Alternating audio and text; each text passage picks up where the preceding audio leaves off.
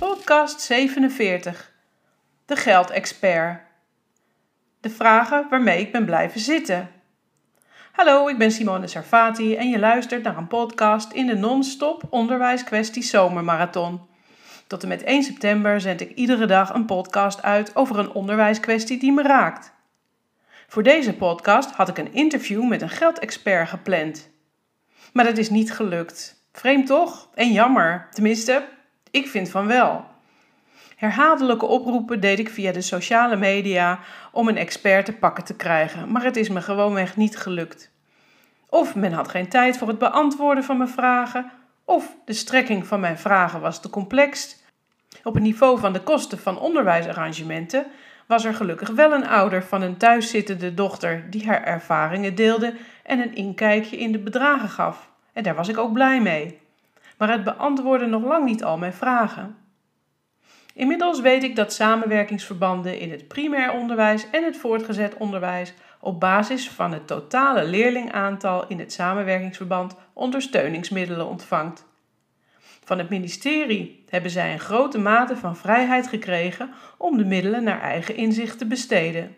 Dat gebeurt volgens afspraken die gemaakt worden met de aangesloten schoolbesturen en deze afspraken zijn in de ondersteuningsplannen vastgelegd. Fijn die vrijheid van geld verdelen, want het maakt het mogelijk om de financiën te regelen naar de behoeften van de besturen en die kan verschillen op basis van noodzaak in de regio en visie op onderwijs. Het lastige is wel dat het geld daardoor overal anders wordt besteed en het voor een buitenstaander, bijvoorbeeld een ouder die vragen heeft over een onderwijsarrangement voor zijn of haar kind, niet altijd even gemakkelijk is om erachter te komen wat er wel en niet mogelijk is in de ondersteuning. Inmiddels heb ik verhalen gehoord over ouders die zijn verhuisd, omdat in de ene regio meer mogelijk is wat betreft onderwijsarrangementen voor hun kind dan ergens anders. Ik ga er gemakshalve vanuit dat de verschillende manieren van het besteden van het geld voor passend onderwijs er ook bij de rekenkamer voor zorgt dat zij niet weten waar dit geld precies aan wordt uitgegeven. Maar als het anders is, dan hoor ik het graag. De vragen waarmee ik al een poosje rondloop en waar ik graag een antwoord op wil, ga ik nu maar gewoon via deze podcast uitzetten. Hopelijk levert dat bruikbare respons op waarmee ik mijn werk voor het ontwikkelen van krachtige onderwijsarrangementen nog beter kan doen. Goed, ik brand los met mijn eerste vraag.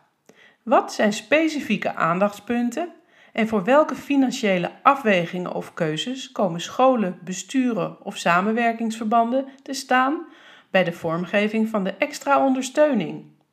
Dan een vraag over de verevening. Kan iemand in Jip en Janneke taal uitleggen wat op dit moment de stand van zaken is rond de verevening? En dan ook nog welke mogelijkheden er overblijven of juist ontstaan voor de bekostiging van onderwijsarrangementen? Verder vraag ik me af of er bij de verevening ook verschillen zijn voor schoolsoorten als speciaal onderwijs, speciaal basisonderwijs, basisonderwijs, het voortgezet onderwijs en ook het MBO. En zo ja, waaruit bestaan dan die verschillen? En dan heb ik ook nog een paar vragen over onderwijsarrangementen en geld, wel te verstaan. Ik begin met het vragen om een rekenvoorbeeld. Ik denk namelijk dat het bundelen van onderwijsarrangementen in bijvoorbeeld een tussenvoorziening of een trajectklas veel goedkoper is voor een school, bestuur of samenwerkingsverband. Door de ondersteuningsmiddelen te bundelen heeft men volgens mij meer mogelijkheden voor het organiseren van expertise binnen de school voor die leerlingen die meer nodig hebben dan de basisondersteuning. Maar ik zei het al, ik denk dat het zo is. Dus mijn vraag is: kan iemand dat mij voorrekenen? En zo'nzelfde rekenvoorbeeld zou ik wel willen krijgen voor bovenschools georganiseerde onderwijsarrangementen. Laatst sprak ik een collega, en ik las dat trouwens ook in de krant, dat ouders moesten meebetalen aan het onderwijsarrangement voor hun kind, onder het mom van er is geen geld. Hoe kan dat? Mag het wel? En is dat echt de bedoeling dat ouders gaan meebetalen? En welke acties zouden ouders op zo'n maatregel kunnen nemen? Of staan schoolbesturen in hun recht? Is het misschien dan nodig om subsidies te zoeken voor extra ondersteuning?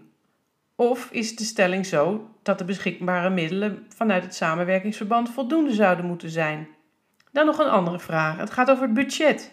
Je weet aan de start van het schooljaar nooit exact hoeveel leerlingen arrangementen nodig zullen hebben.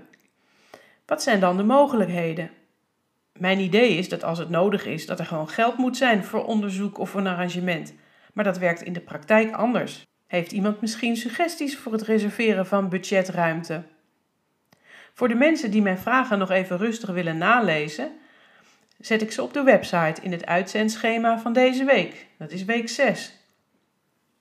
En als je iemand kent of als jij zelf zegt van ik weet de antwoorden wel, wil je mij dan mailen. Tot zover mijn podcast vol met vragen over de financiering van passend onderwijs en onderwijsarrangementen. Ik zou het heel erg op prijs stellen als je reageert op deze uitzending om je antwoorden met mij te delen. Wil je met me werken? Maak dan een afspraak via mijn website www.sarfati.nu. Als je een andere onderwijskwestie met mij wilt bespreken, kan dat ook. Stuur dan een mailtje naar simone.sarfati.nu. Als je wil dat ook andere mensen naar de non-stop onderwijskwestie zomermarathon luisteren, deel dan deze podcast. Weet dat ik het waardeer en weet ook dat je meer informatie over passend onderwijs kunt vinden op mijn website www.sarfati.nu. Sarfati met PH en IE. Bedankt voor het luisteren, een zomerse groet en tot passend weerziens!